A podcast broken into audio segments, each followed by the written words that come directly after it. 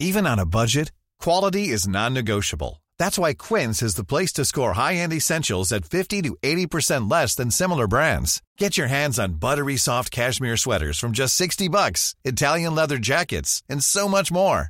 And the best part about Quince, they exclusively partner with factories committed to safe, ethical, and responsible manufacturing. Elevate your style without the elevated price tag with Quince. Go to quince.com slash upgrade for free shipping and 365-day returns. Hiring for your small business? If you're not looking for professionals on LinkedIn, you're looking in the wrong place. That's like looking for your car keys in a fish tank. LinkedIn helps you hire professionals you can't find anywhere else, even those who aren't actively searching for a new job but might be open to the perfect role. In a given month, over 70% of LinkedIn users don't even visit other leading job sites. So start looking in the right place. With LinkedIn, you can hire professionals like a professional. Post your free job on linkedin.com slash people today. Hej Rasmus. Hej. Hvis du kunne tjene 100.000 dollars, mm. mod at du ikke havde sex eller pillet ved dig selv en hel måned, vil du så tænke, nem opgave? Øh, altså, jeg har lige gjort det for 0 kroner i den her lockdown. Så øh, super nemt. Ja tak, jeg vil vinde. Til gengæld så sidder der en masse øh, reality-deltagere ude i verden og synes, det er verdens sværeste opgave. Netflix Ja. har haft premiere på et helt nyt show. Det skal vi snakke rigtig meget om i dag. Og så har vi interview med en af de mest omtalte reality-stjerner. Skal vi ikke kalde hende det? Jo, lad os kalde hende en jo, stjerne. lad os kalde hende en stjerne. Velkommen til Reality Check. Her, det er podcasten til dig, som elsker reality, men det er også podcasten til dig, som hader, at du elsker reality. Ja, vi to, vi er jo sådan nogle, der elsker reality-tv. Mm-hmm. Og øh, derfor har vi lavet en podcast om det, og vi er nu nået til afsnit 40 af Reality Check. Ja, det er jo egentlig ret vildt. Og i dag er vi også lidt ramt af corona-lockdown. Ikke? Vi Vi sidder, sidder stadigvæk hver for sig. Ja, vi sidder hver for sig. Det vil sige, at lyden er ikke helt, som den måske skulle være. Nej, Og vi klipper også lidt på en anden måde. Og det interview, vi skal lave senere, øh, bliver også lavet via en telefonforbindelse. Så ja. det håber jeg, vi at I bærer over med. Men, Bær Marlene- over med os. Ja, men har du noget corona-nyt? Øh, altså, jeg har jo lige haft fødselsdag i coronaen. Ja. Ja. Og øh, altså, jeg fik, jeg fik, jeg fik ikke så, jeg fik ikke så mange gaver, fordi jeg så ikke så mange mennesker, men jeg fik til gengæld det bedste. Altså, tror jeg, man kan få lige nu. Jeg fik et, jeg fik et kram. Det var min ven Lars, som til, hey, giv mig et kram. Og først så blev jeg sådan Åh!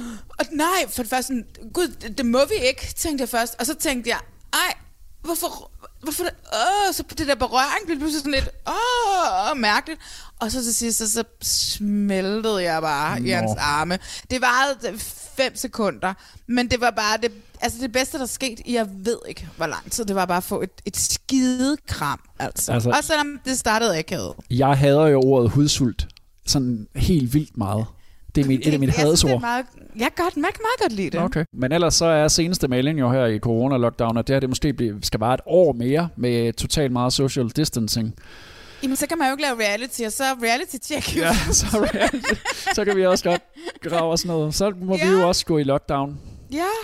Sådan er det jo bare. Og senest er det jo X Beach, som skulle have været afsted i maj, men som ja, i de artikler, vi har læst, henter det måske skal optages i Danmark over sommeren, men altså alt, alt, alt er oppe i luften, ikke? Men altså, prøv lige at være dem, der fik chancen at tage med i sæson 5, og så skal de, uh, så skal de fire uger til Rømø i fucking blæsvejr. Ja. Fordi nu ved vi, det har været et godt forår, så ved vi bare, at det bliver den værste sommer, ikke? Alt er udsat, ikke? og vi må også. Ja. se, om The Bachelor nu overhovedet bliver optaget i år, og om de kan lave Landmand søger kærlighed. Det skulle i gang her i maj også, ikke? Nå ja, det kan de jo heller ikke. Nej. Altså, Der er simpelthen så mange ting, man ikke kan. Ja, ja, men altså, vi ved jo, at de har udskudt nogle programmer, som kommer til efteråt, så må Ja. vi jo Nå, tage os det er kærligt af dem, Ja, ikke? ja, det er rigtigt. Øh, så, Det er hedder rigtigt. det? så vi kan måske lave nogle små, øh, nærmest minisode-lignende øh, podcast. Ja. Men altså, der er jo stadigvæk masser af reality, og øh, det helt Ja. store siden sidst, altså for en uge siden fik jeg en sms fra dig, sådan Ja. helt jubel, om at der i fredags ville lande øh, noget nyt på Netflix, der hed Too Hot to Handle, mm-hmm. og jeg anede ikke, hvad det var. Men Nej. lad os sige, at Det Netflix. Netflix har fået sig et nyt nummer et hit. Det har været Target Ja. King længe, men i dag, som vi optager her, der ligger Too Hot to Handle. Netflix' helt nye bud på et reality-program. Det ligger nummer et i Danmark. Det er det mest Ja. sete. Og Ja. det, det skal vi to selvfølgelig tale rigtig meget om i dag. Det handler om sex, eller snarere manglen på samme. Ja. Så øh, skal vi også lige kaste os over alt det, der er slut. Øh, X on the Beach er slut, Paradise Hotel er slut, Alene i Vildmarken har fundet en vinder, Ja. og så endelig er øh, DR3's Alpha-eksperimentet også slut. Og i den forbindelse, Bu, bu, bu. der har vi jo fået kontakt til Malene, Ja. en anden Malene. Ikke Marlene, men Malene fra Alpha-eksperimentet, som jo eddermame har fået noget af en tur på de sociale medier. Meget hård medfærd. Ja, øh, men hun har faktisk selv henvendt sig til os, og du spurgte, om hun ikke har lyst til at give et interview, og hende har jeg talt med lidt tidligere i dag. Mm. Hun er super sej og super frisk, at hun har lyst til at stille op og overhovedet tale om det her, fordi det, har, Ja. ikke, det vil ikke være løgn at sige, at de sidste par måneder har ikke været specielt sjove for hende. Nej. Og det skal vi tale med hende om senere. Fedt. Men, Det glæder jeg mig til at høre. Vi starter med noget helt kukkelux gakkelak. vi skal til Netflix. This retreat is full of the sexiest people in the world. Little quesadillas? What's happening? I would rate myself a 10 out of 10. Bring that here, reel it in. This is literally heaven on earth. Cheers to sexy people. Cheers, guys. I'm Lana. Plot twist. Go team! There are conditions to your stay here. Bloody hell! No kissing or sex of any kind. Oh, shit. As if some robot is telling me I can't do anything. It's not easy to go an extended period of time without any sexual release. Think of your nan! This retreat is to help you gain deeper emotional connections. Is blue balls a real thing? We'll find out. Money will be deducted for any sexual activity. All we want to do is rip each other's clothes off. Not all of you have invested in the process. I really don't care. I don't look at him and just see sex. Maybe more can come from this. I don't want to break the rules. Det her, det var traileren til Netflix's helt nye øh, reality-satsning, der hedder Too Hot to Handle. De har haft kæmpe succes med The Circle, men ikke mindst Love is Blind, som jo er noget, alle i Danmark også har, gået og, og talt om. Ja. Og nu øh, ligger Too Hot to Handle, der er det helt nye, det ligger som sagt nummer et i Danmark. Øh, men jeg må med at sige, det er et lidt andet slags reality-program, end hvad vi ellers har været vant til øh, fra Netflix. Kan du lige forklare, hvad er det, det går ud på? 10 meget sexglade singler. Det vil sige 10 singler, som når de er i synk, altså i de der interviewbilleder, så siger de, der, går ikke, der er en af dem, der siger, der går ikke en dag uden sex, og det er aldrig med den samme pige. Det er jo helt åndssvagt. Øh, de er fra hele verden. De er en er, en, en er fra Canada, en er fra Australien, nogle er fra England, nogle er fra USA. Ja. Og jeg kom simpelthen til at tænke på dig, fordi du så tit har sagt det der med, at i Danmark, der fisker vi i en lille dam, mens de i England og USA, der har de ligesom så stort hav, ikke? nu Men her, her, oceaner fordi det er- og oceaner. Motherfucking Netflix. Så kører vi bare oceaner. Ja. Det vil sige, de har fundet de 10 mest stanglyderlige reality-deltagere, man overhovedet Og, kan finde. attrakt, og meget attraktiv, ikke? Ja, altså det har vi jo også diskuteret. Jeg synes jo, de er lækre. Jeg skrev til dig, at øh, åh, jeg synes lidt, at det var en billig ja. udgave af Love Island. Men så kom jeg til at tænke på, at hver gang der starter en ny sæson af Love Island, så er jeg bare sådan, nej, de er ikke lige så pæne som dem, der var der sidste ja. sæson.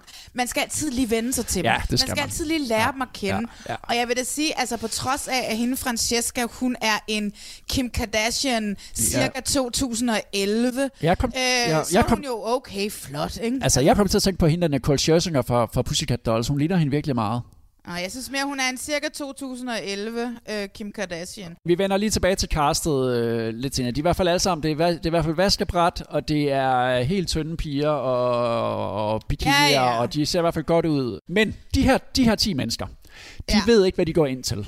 De tror, Nej. at det er et øh, sådan looking for love-agtigt, måske et tropical dating-program.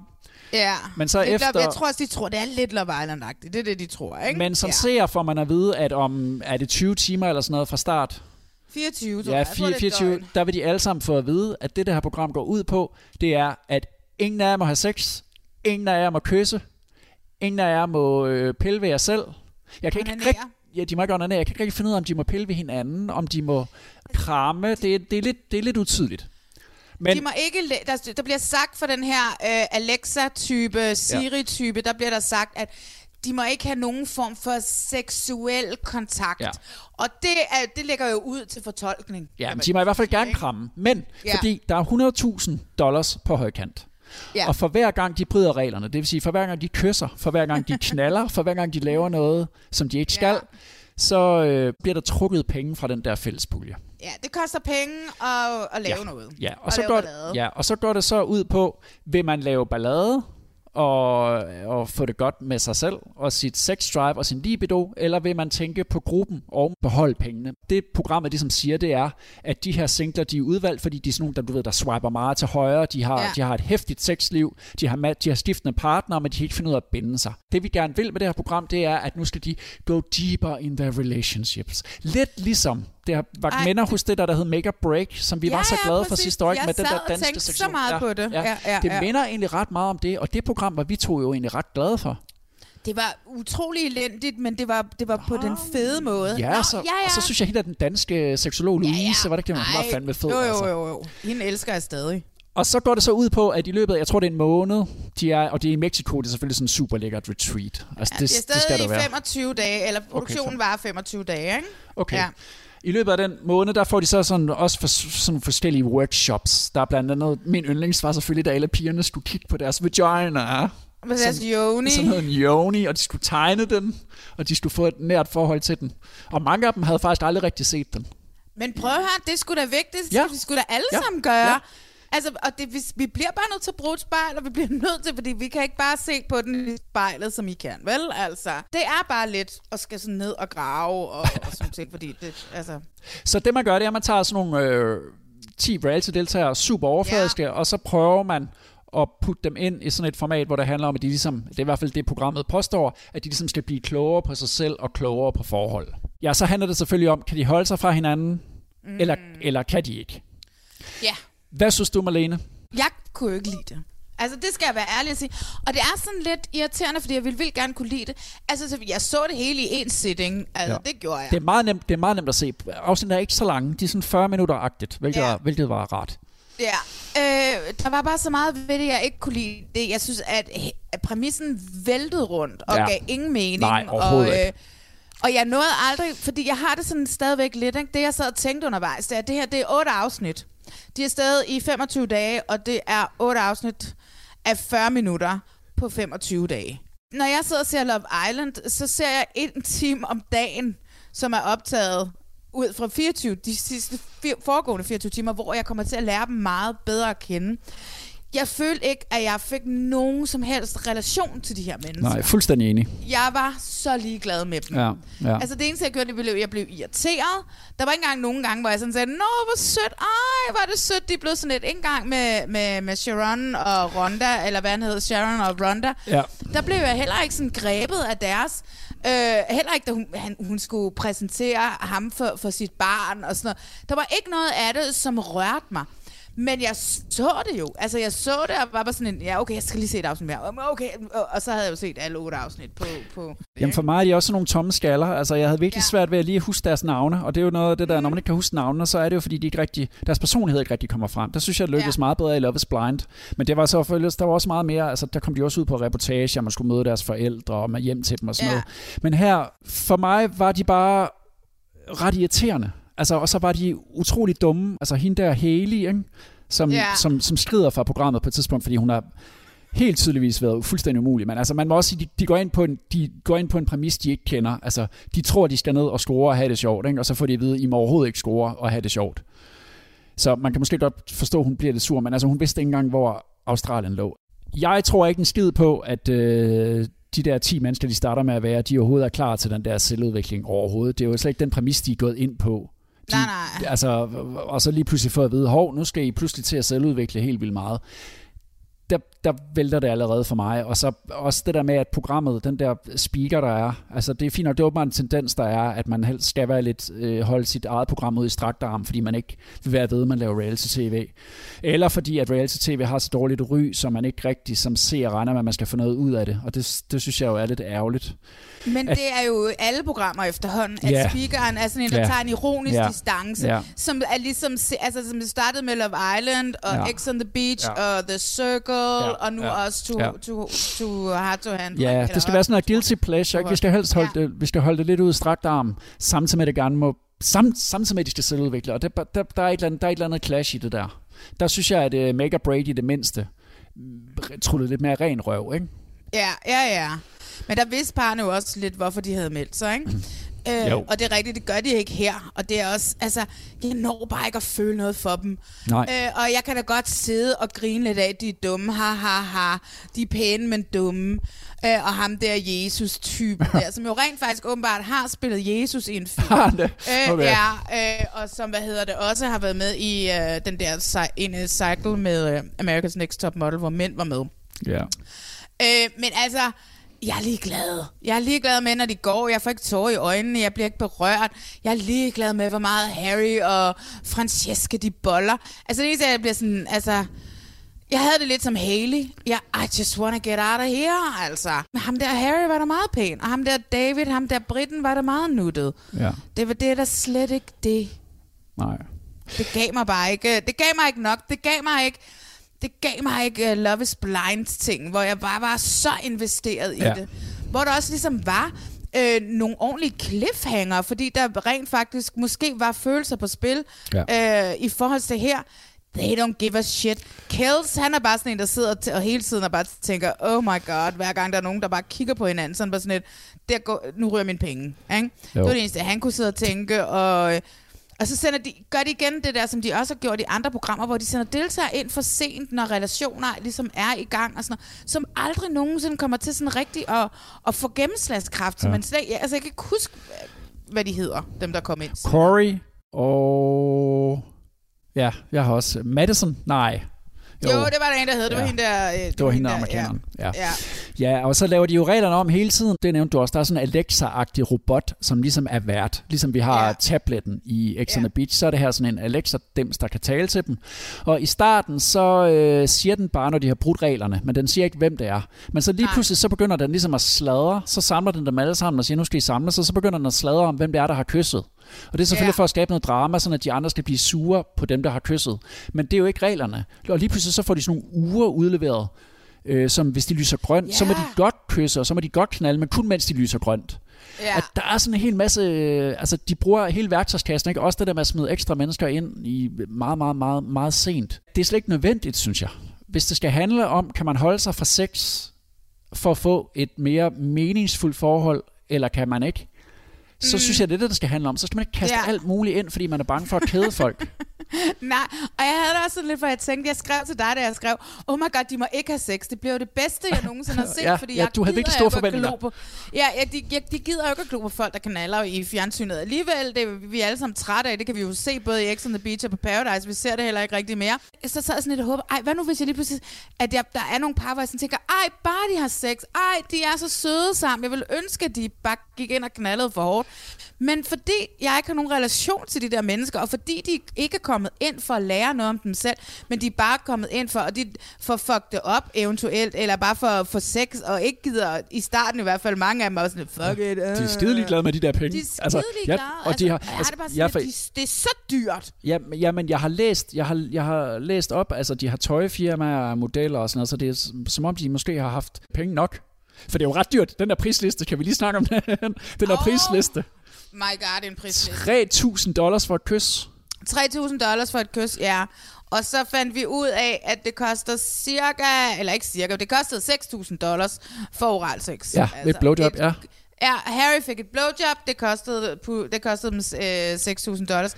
Så var der de der to, øh, Sharon og Rhonda, de ja. var en, en nat i den der fantasy suite. Ja. Og der fik de trukket dagen efter øh, 16.000 dollars. Ja. Men hvad, man, hvad de lavede derinde, det så man jo ikke, eller Nej. fik heller ikke noget videre om. Men, Men Det lyder fint nok med mig. Nej, det var nemlig ikke fint nok med mig, men der, altså, da man så fik noget at vide, så var det de der ord, fordi den ligesom den der lille Alexa-type, der hedder Lana, den sagde, hvad det var, de havde lavet, så var det bibet ud, og man havde overhovedet ikke set noget fra den der aften inde i den der fantasy suite. De havde bare klippet det væk, og så skulle man ligesom tro på det der. Altså, når man laver et program, der handler om sex, det er, kunne også se, det første, der står på Netflix, det er tilladt for 13 år op efter. Det vil sige, det har sådan en PG-13 rating. Ja, ja, så laver man et program om sex med en PG-13, det vil sige 13 år op efter rating. Altså, der er et eller andet der, der også clasher lidt, lidt i mit hoved. Du har så ikke brug, du har ikke brug for at se det der sex. Nej, overhovedet jeg, ikke. Nej, det vil jeg, altså, jeg synes, det er virkelig tavligt. Første gang, der er nogen, der for alvor bryder de der regler, så får man bare at vide, når I har brugt for 16.000, og det I har gjort, det er det og det og det, men så er det bibet ud det Ja. hele. Ja, jamen, det er muligvis også åndssvagt. Hvis det er fordi, man ikke må høre det i USA, jamen, så vil du altså bippe det ud i USA, men lad os andre høre det. Fordi, ved du hvad, vi må godt høre det. 16.000, lad os sige, det er et blowjob, et kys og... Øh, Det er ikke et knald i hvert fald. Nej, det er det ikke, fordi at øh, øh, Harry og Francesca, de knaller, og det koster, hvad hedder det, øh, det koster gruppen 20.000 Ja. dollars. Hvor længe ville øh, du egentlig kunne holde dig fra en rigtig lækker mand på den måde, hvis du vidste, der var 100.000 i den anden? Nå, altså nu har jeg jo ikke det problem. Nej, jeg synes også, det er et virkelig luksusproblem, og de, Nå. og de omtaler det virkelig som om, det er virkelig hårdt for dem, og man sidder bare som helt almindelig og tænker tilbage på sit eget øh, sidste 30 dage. Jeg kunne sagtens holde den. Altså, du ved, men, men hvis nu at... Øh, Ja, for 100.000. Ja, jeg får 100.000, ingen problem. Også selvom jeg var blevet beruset og alt muligt, så ville jeg sagtens kunne sætte mig ned og sige, prøv her, Peter, skal vi ikke bare aftale, vi knaller, når vi kommer ud om cirka 20 dage? Øh, og så har vi muligvis øh, 50.000 dollars med hver, så kan vi tage på luksushotel, og så kan vi bare knalde i en weekend. Øh, deal. Ikke? Hvor Jo. svært er det? Det kan ikke være så svært. Så, øh, så der er også et eller andet i den præmis, som jeg synes er sådan lidt... Øh, men de, de kunne jo ikke, altså, eller nogle af dem kunne jo ikke, fordi det, det var jo i princippet... Altså, der var jo ikke så mange, der brød de der regler, vel? Nej, det var der egentlig ikke. Øh, lidt, og cirka der var, halvdelen, der var ikke? også- lidt under halvdelen. Der var også nogen, der brød reglerne. Der var to piger, der så begyndte at kysse, fordi de bare synes, de alle sammen var latterlige. Så begyndte de at Ja, det kysse. var. Francesca og Haley. Haley, ja. Haley, som tydeligvis havde at være der. Ellers så var det jo sådan traditionel reality. Der er jo de der to fyre er vilde med den samme pige, ikke? Eller, Ja, ja. Og, og to piger er vilde med den samme fyr, og så bliver den ene sur på den anden, fordi at hun har sagt ja til at gå på date med det, som den første troede var hendes fyr, og, Ja. og sådan noget. Altså, det er de helt klassiske reality-historier, men jeg synes, det er holdt meget ud i strakt arm. Og det, Ja. ja. altså, jeg synes bare, det er ærgerligt. Jeg kan sgu bedre lide, når man ligesom tager det, har sådan en præmis, så synes jeg, man skal gøre det altså for real. Forstår du, hvad jeg Ja. mener? Jo, jeg forstår udmærket godt, hvad du mener, fordi jeg sad jo selv med den samme følelse. Jeg var sådan lidt, I don't care, I don't care. Ja. Men øh, prøv at høre. Men det er jeg super sidder- godt underholdt, ikke? Jamen, ja, det er god underholdning, og Ja. jeg sidder, det lockdown, jeg kan ikke lave noget andet alligevel. Jeg synes, Love is Blind, det kunne noget mere. Jeg synes, The Circle kunne også meget mere end, end, end det her. Helt sikkert, ja. Fra noget helt vanvittigt øh, amerikansk reality i Mexico, skal vi nu til noget helt andet. Nu skal vi til Norge og alene i vildmarken. Ja, okay, det er det stik modsat. Ja, det er faktisk det stik modsatte, som her i Danmark er nået til sin fjerde sæson. Ja, Og det er faktisk første gang, at jeg har været optaget af det. Det er fordi vejret den her gang virkelig har spillet en stor rolle. vejret har været ret voldsomt. Ja, det har simpelthen været oversvømmelse. Ja, Altså, hvor, I- hvor, I- hvor jeg har tænkt, evakuere dem, komme ud og frelse dem. Men det er, der- det er altså ikke sket. De er simpelthen, altså, der er nogle af hvis huse, de bygger jo alle sammen huse i år. Det bliver vi også nødt til at give Det dem. Hold kæft, de seje, mand. Men ja hvor der vi bare har været vand. efter hende der Mette sidste sæson, ikke? Jo, jo, men jeg vil sige, der er rigtig mange mætter i år. De bygger bare huse. Ja, ja, ja, ja. Min favorit var helt klart Alfred, den Det yngste. var også min, og kæft, var han sej, mand. Ej, han var, og for, også fordi han var så positiv, han tog ja. Det hele. Nå, men når noget gik galt, så var det bare sådan, okay, øh, jeg får lære noget, og så må, har jeg lært noget af det. Altså, han var ekstremt positiv. Jeg er meget misundelig på øh, et menneske. Og han er har sådan 21. den- Ja, ja. Have den der indstilling til livet, Ja. og hele tiden skulle Ja, se det er positive i alting. Freaking spider. Altså. Ja, og så bare sidde der og være spejder med alt. Det var ret vildt. Så Jamen, var jeg, der, var, jeg var meget fascineret af ham. ja, jeg havde Ja. virkelig håbet, han vandt, men det gjorde han jo så desværre ikke. Han blev nummer to, Nej. fordi hvad var det, der Spoiler skete? Ja, Ja. hvad var det, der skete? Jamen altså, han stoppede på dag 58. Vi fik ikke rigtig... Altså, der kom ikke sådan en optakt, hvor han sidder og fortæller ind til kameraet, hvorfor, eller noget som helst. Øh, og det ved jeg ikke, om det er for at holde suspensen, fordi de var to tilbage. De var ham og, og Kim tilbage. Ikke? Så jeg ved ikke, om det var derfor, vi ikke fik den med, hvor han forklarer for kameraet, hvorfor. Men han siger, da de øh, kommer med båden, og, og han bliver sagt, og der, han bliver spurgt, Nå, men du vil gerne hjem, hvad? Og så, så siger han så, ja, jeg, kan, jeg har ikke mig selv med mere. Du vil gerne hjem i dag. Ja, Hvorfor er det her den rigtige dag at tage hjem på? det er det, fordi at jeg i går opdagede, at, at jeg var løbet tør for vilje til at blive simpelthen. Det er sgu svært at, at, at sige farvel til den her hytte, det her hjem, jeg har fået lavet. Det her, det er jo på en eller anden måde været sådan en manddoms øh, dannelsesrejse for mig, ikke? Jeg har virkelig opnået det, jeg ville. Det var, havde været hans aftale med sig selv fra starten af, at når han ikke kunne mærke sig selv i det mere, så ville han ud. Og det var så hans grund. Så vi ja. ved faktisk ikke, om han bare vågnede op en morgen og har haft et dår. Jeg gidsner mega meget nu, ikke? Men det virkede bare mærkeligt, at vi ikke får ham til at sidde og fortælle til kameraet, hvorfor er det, jeg gerne vil ud nu, når jeg har fulgt ham. Og han har været der i 58 dage, og jeg faktisk har holdt ret meget af ham. Jeg tror ligesom dig, at det var simpelthen på grund af suspense, at det skulle være spændende. Var det Kim, der vandt, eller var det øh, Alfred, der vandt? Kunne man Og ikke så- have lagt det ind bagefter? Jeg kan ikke se, hvad hans grund var. Jeg synes bare, det var skide ærgerligt. Altså, al respekt til Kim, men han var ikke lige så farverig som hverken Jesper eller Alfred. Kan vi ikke blive enige om det? Jo, jo, jo, jo, jo, men han var da totalt sej, altså. Ja, men det er jeg fuldstændig. Han var da super sej, og, Og- det var ham der, der han byggede sit hus om tre gange. ikke? Han flyttede ja. og alt muligt. Han var ude altså. og fiske i Skyttebugten. Alle de gange, ja. han Ja. har sagt Skyttebugten, man skal lave sådan et drukspil for hver gang, han siger Skyttebugten. Ej, men det var jeg også lidt irriteret over, de der navne, han selv ja, gav ja. til. Oh my god. Men da der kom storm der i sidste afsnit, eller orkan, der, hvad hedder det, der boede han jo et perfekt sted. Der var bare Ja, ja, ja. ja. sådan, jeg Ja. kan ikke engang mærke det derinde. Ja, og så der, der, altså den måde, det slutter på alene i Vildmarken, er jo bare altid godt, der hvor familien kommer og henter dem, og de ved ikke, og han sidder og taler til Ja. nogle andre, ikke? som de, ja. De sådan snyder ham og siger, at de lige skal have et lægetjek, eller hvad det er, de har snydt ham med. Og Ja, så kommer familien ja. og hans to små sønner og hans kone bagfra. Man får helt lyst til at få en kernefamilie, ikke? Øh, nej, ikke rigtigt. Gør du men ikke jeg det? begyndte Det gør at jeg. tude. Nej, nej, nej. Men jeg begyndte at tude.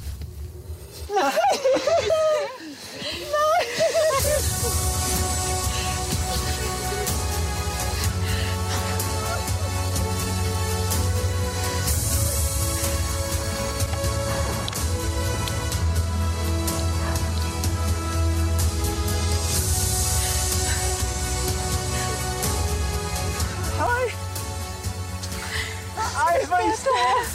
Ej, hvor er det fedt! Hej! Ej, hvor er I dejlige! Ej, hvor er I store!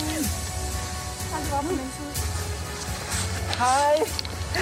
Ej, hvor sindssygt! Ej, hvor er det mærkeligt! Kom her! Oh, hej! Ej, hvor...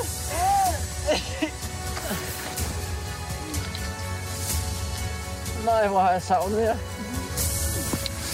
Det var så fint, altså, Ja. da de kom derop. Ja. Øh, og han græd sig selv, og konen var, jeg tror, konen var sgu lidt rystet over, hvordan han så ud. Det kunne man se på hende. ja, han lugtede op. sådan, Børnene sagde, du luk, du skal i bad. Du skal i bad. øh, ja, men hun var bare sådan, oh my god, hun kunne slet ikke kende sin mand. Det var ret tydeligt, at de skulle tage det der billede, hvor de sidder sammen, familien, de får taget sådan et familiebillede derop. Og hun sidder sådan og kigger, og man kan sådan se, hun tænker, oh my god, hvad er, hvad er det for? Er det min mand, det her? Er I sikre? Øh, og det kan jeg jo godt forstå, 60 dage. Han havde et bælte med derop, som han havde... Øh, som han ikke havde kunne lukke, da han tog derop. Og nu kunne han lugte fem huller inden. Ja. Så han æder bank med smidt nogle kilo på de øh, 60 dage. Jeg kan se på øh, streaming hitlisten på DR, at det er det mest sete program på stream. I hvert Er det fald lige nu. Ja, altså så det, det taler virkelig til danskerne. Jeg vil også sige, at den her sæson har jeg været gladere for det, end jeg plejer. Jeg tror måske, det har været noget med det her corona-lockdown. Man kan lidt sætte sig ind i det. Og så synes jeg, at der har været en modstander i vejret, hvor de, de amerikanske Ja. jo har bjørne og alt mulige vilde ting, ikke? Så har Det jeg, jeg lidt ja. savnet noget, sådan noget modstand i de andre sæsoner, men det har der så været her. Til gengæld kommer man jo aldrig ud, ud, udenom, at det er jo en mand og et kamera. Og det er Ja. meget ligesom de samme historier, der kører. Savn. Ja, ja. Det er savn, Ja. ikke? Jeg synes, at det har været meget sjovt at se den her sæson, men der er også, der, jeg synes også, castet Især sådan en som Alfred, jeg synes for øvrigt også Kim som vandt. Altså, og Jesper som var Ja. crazy Shaman på en Jesper. måde. Ja. Ikke? Ja. Altså, jeg synes, castet har været godt. Jeg synes igen, det er pis ærgerligt med de der kvinder der, ikke? Men øhm, Ja, de har ikke holdt, de har ikke holdt så længe i år. ja, ja, Ja. ja, de holdt virkelig kort tid i år, Ja. ikke? Men Ja. Altså, jeg har også været mere overrasket, og, jeg, og vi har også snakket om før, der er meget om, det er noget med, at vi selv sidder i lockdown, og jeg ved godt, vi kan jo ikke sammenligne os selv med dem, der sidder deroppe. Nej. Men der er bare et eller andet i, at nogle af de tanker, de har, ensomhedstankerne ja. og sådan noget, er noget, man godt lidt kan følge nu. Ja, helt sikkert. Det er altså sådan i dag i den her podcast, at vi springer fra det ene til det andet. Altså fra øh, liderlige reality deltagere fra hele verden til danskere i ødemarken. Og nu skal vi lige øh, rappe op på de to, af det jeg vil kalde for, jeg plejer at kalde for ungdomsreality. Det er det også. Altså Paradise Hotel øh, sæson 16 og X on the Beach sæson 4 er slut i samme uge. Ja, det var lidt et tilfælde. Øh, Pa- Paradise har haft 48 afsnit, og øh, X on the Beach har haft øh, 24. ja. Og vi Øhm. tænker lige at afrunde, vi jeg ved, jeg har lavet nogle minisoder om Paradise, ja. men lad os lige afrunde Paradise ja. her. Ja. Øh, først og fremmest, altså, så vil jeg sige, du har jo været dernede, og Ja. må jeg sige, congratulations. Jeg synes, at det har været en af de bedre sæsoner i, Ja. altså, i overvis, Ja, jeg er enig. Ja, det er jo castet, castets fortjeneste, og så et kæmpe hold. Det er kastet fortjeneste, men det er også holdet, fordi at Altså sidste år, der var de sgu lidt på badeferie i produktionen. Jeg ved ikke, hvad omstændighederne var, men det har de fandme ikke været i år. De har ikke været bange for at spille mod mod hinanden. De har ikke været bange for at, og du ved, kaste nye udfordringer ind hele tiden, ikke? Selvfølgelig er produktionen skulle Men- også med til at, Jamen, at gøre det her godt, ikke? Du får det ikke, du får det ikke, hvis du ikke har et cast, som er klar på at lege med. Og det har de jo virkelig været. Og det tror jeg faktisk, igen, der tror jeg måske, altså hvor meget jeg end ikke sådan er vildt begejstret for, og, og super meget tak, altså sådan, give Lenny en, en øh, give Lenny Pil en, en, du ved, sådan helt credit for det, men det han kommer ind i hans sæson, og bare kommer, der hvor han vinder, og bare kommer og siger, nu spiller jeg for at spille spillet, og jeg er ligeglad med, om jeg stikker venner hjemmefra i ryggen, eller hvad fuck jeg gør. Jeg skal vinde de her 500.000. Ja. Det er lidt ligesom efter, at han har gjort det, har det åbnet lidt mere op. Ikke? Tyrker kom også ind med den attitude, som jeg tror også åbnede lidt op hos de andre. Og jeg tror bare, hvis man, hvis man prøver at komme ind med den her indstilling, at okay, det her er et spil, det er et brætspil, jeg står som en brik på det her brætspil, og nu skal jeg vinde, og så må, jeg jo, så må vi snakke venskaber, når vi kommer hjem. Ikke? Mm. Det er sådan, at man laver det godt. Ikke? Tyrker kom ind med den indstilling, og øh, jeg var bange, da han røg ud. Jeg var sådan helt, fuck, altså, bliver, bliver det godt igen, nu hvor han er røget? Fordi han ligesom...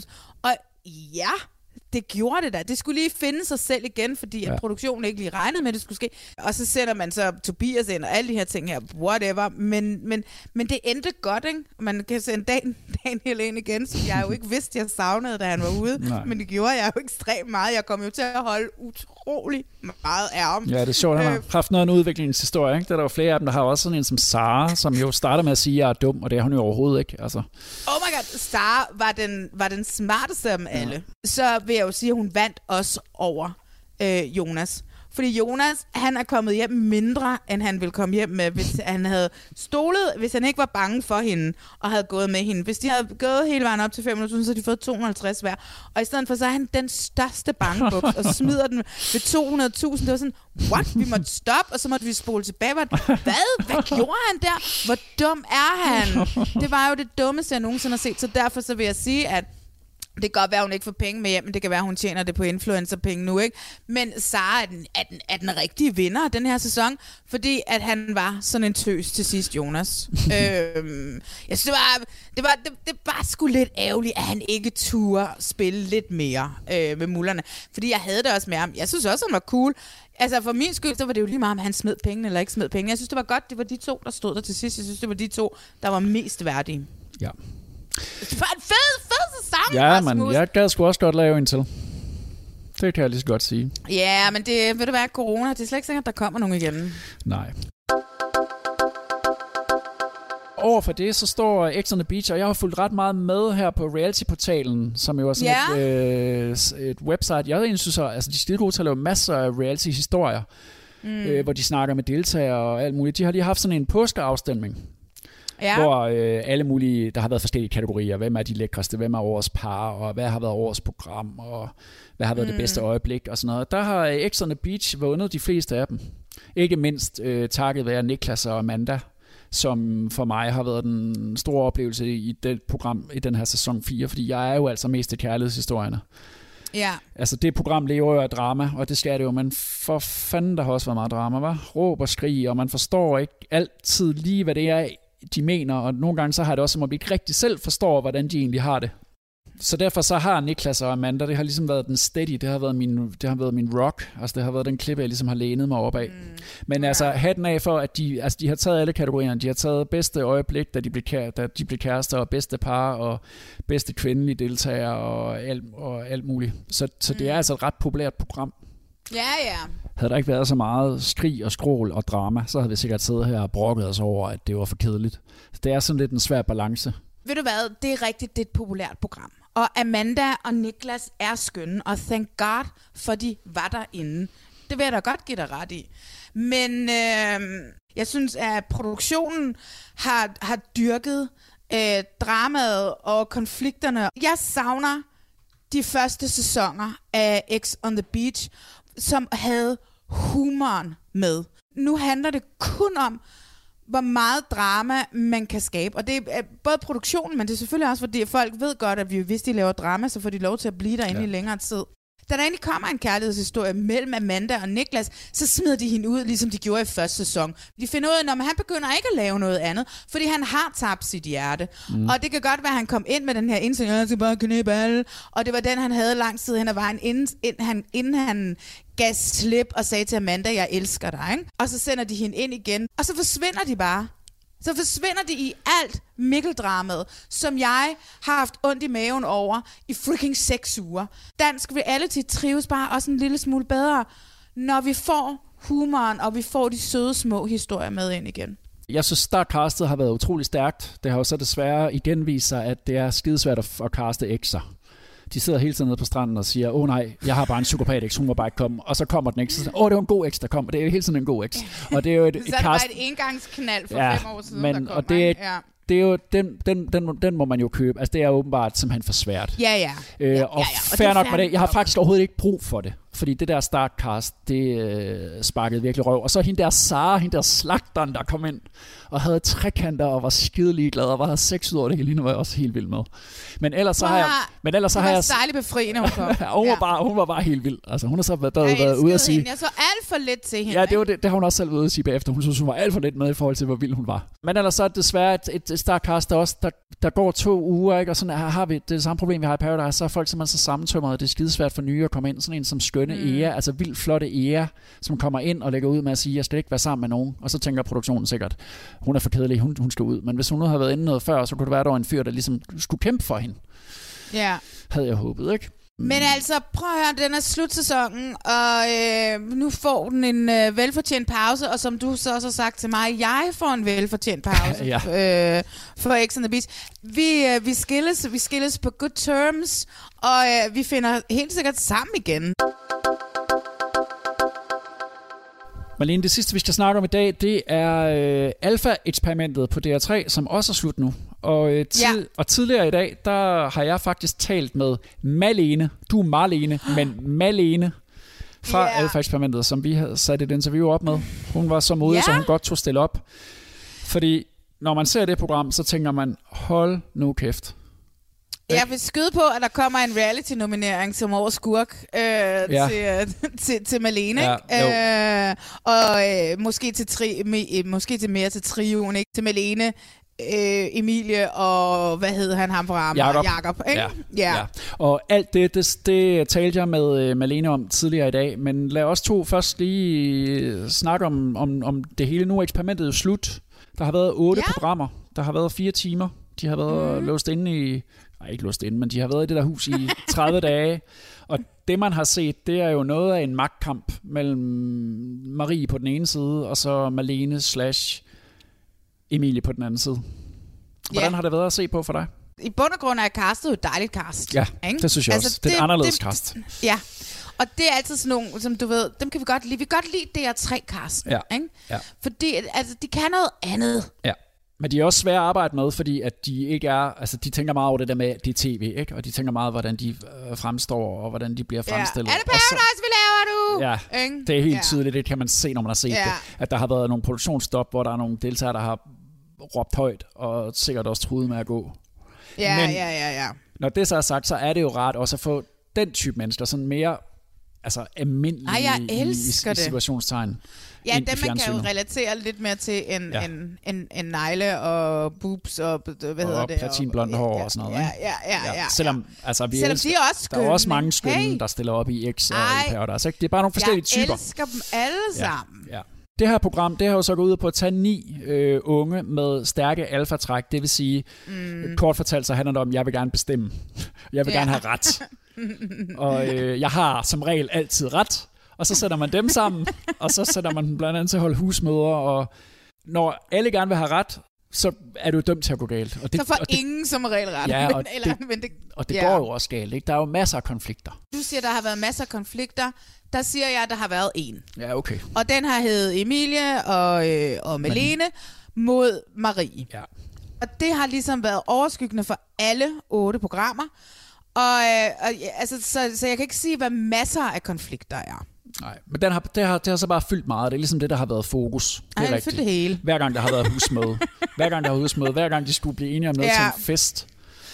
Altså, jeg føler virkelig meget med Marie, men altså selv til sidst, da hende blev man også bare sådan, åh, hold nu op, Marie, kan du ikke bare give dig? Men det er jo det, der er hele pointen med det her cast, Ja, at de skal være ja, sådan nogle, ja, der ja. ikke vil give sig. Så jeg glæder Ja. mig meget. Altså, det var også noget, jeg snakkede med Malene om, kan jeg godt allerede nu tease. Ja. Hun, hun skulle give mig nogle gode råd til, hvordan jeg kunne blive sådan en, som, som, som blev lidt bedre til at tage en god konflikt. Ja, ja, altså, ja, fordi det var hun jo bestemt ikke bange for, den unge dame. Kattedame, Ja, hun ikke? var meget bedre til at glide af, ikke? hun var så fucking ligeglad med dem alle sammen. Jeg synes jo, hun var the queen of the castle. Og jeg kan slet ikke forstå, at vi ikke så mere til hende. Nej. Hun, alt gled af på hende. Hun var så ligeglad med dem. Og jeg elskede hende. Og hun, det eneste, hun lyst til, det var bare at score Rune og vise ham mærkelige kattevideoer. og jeg har det bare sådan et, oh my god, that's my kind of girl. Og jeg ville gerne have set meget mere til hende. Der var bare et eller andet i det. Det virkede på mig som om, at der ikke var konflikter, som de havde forventet. Og derfor så prøver de produktionen at lave konflikter ved lige pludselig at kaste benspænd ind mm. to tredjedel Ja. inden i, i, i sæsonen. Ja. Ved at nu skal vi lave husregler, og mm. det skal du, Malene, for øvrigt lave. Fordi Malene var kontroversiel i hele huset. Og så ugen efter, så er det Marie, der skal, fordi de alle sammen havde og Marie, og fordi at der var de her konflikter ja. mellem Marie og Emilie. Ja. Og, øh, og, og, øh, nej, mellem Emilie og, og Melene og, og, og Marie. Ikke? Og så i stedet for, fordi sådan som jeg havde det i, i er det sidste afsnit, hvor de sidder og skal lave sådan en, hvem er hvem i kollektivet ting, ikke? som vi- var ligegyldigt for mig, fordi at der var nogle af dem, som fik en, en, et, et, et prædikat på dem, som jo sådan lidt, nå okay, Esben fik at vide, at de var sådan, "Jamen, han er den skægge. Og jeg var sådan lidt, nå, Ja. han, siger han noget da? Fordi at jeg har da ikke set ham sige noget. Som, han, har jo dårligt, han har jo været synk en gang, eller sådan et eller andet. Ikke? Hvor jeg har det sådan lidt, hvis man skal lave de her benspænd, og nu skal vi sådan ligesom lægge noget ind, fordi det kunne være en del af det. Hvorfor er det så ikke, at man giver ham en storyline og siger, Ja. hey Esben, nu skal du lave de her benspænd. Ja. Hvorfor skal det være de her to kvinder, som i forvejen har fyldt alt i programmerne, ja. ikke? Ja. Men det er jo sådan noget, man kan, altså det er jo sådan noget, man, det er jo sådan noget evaluering, ikke? Når, man er, Ja, ja. Når, når, når, vi sidder her og kloger os bagefter. Men ja, der kan jeg da, ja. der kan jeg da til dels. Ja, det er jo det, jeg elsker allermest, at kloge mig bagefter, ikke? Ja, og så har, har, har vinklen jo hele tiden været, det er alfa, det vil sige, vi er nødt til at have en konflikt, vi er nødt til at spille det mod mod hinanden, og det er ligesom det, der ja. Bliver fokuseret på de programmer, vi har set. Og det har så efterfølgende måske været en lille smule hårdt for Malene, eller det kan jeg godt øh, afsløre allerede nu, at det har. Jeg talte. Ja. med hende tidligere i dag, og jeg synes bare, at vi skal høre det interview, og så skal jeg også lige sige, at hun er igennem over internettet på øh, sit lille headset, så lyden er, som den er. Ja, Og det håber det jeg, I øh, bærer over med. Vi er i hvert fald sindssygt glade for, at øh, Malene har lyst til at tale med os. Så kan jeg byde velkommen til Malene fra Alpha-eksperimentet. Først og fremmest så vil jeg sige tusind tak, fordi du har modet til at give interviews om det program. Tusind, tusind tak, og tak for at jeg må være med. Det er jeg meget glad for. Først og fremmest vil jeg sige, at øh, vi er blevet enige med dig om, at det her det handler ikke om, at du skal trash-talke produktionen, eller trash-talke den måde, som du er blevet øh, klippet på. Og øh, hvorfor er det egentlig, at du heller ikke selv har interesse i det?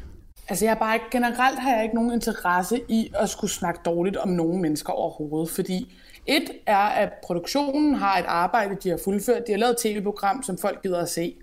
Øh, og så kan det godt være, at jeg føler, at det er lidt nederen eller noget, men jeg får ikke en, jeg får ikke en skid ud af at, at snakke dårligt om nogen. Øh, og, og jeg har heller ikke ondt i røven eller noget som helst. Altså sket er sket, og sådan er det.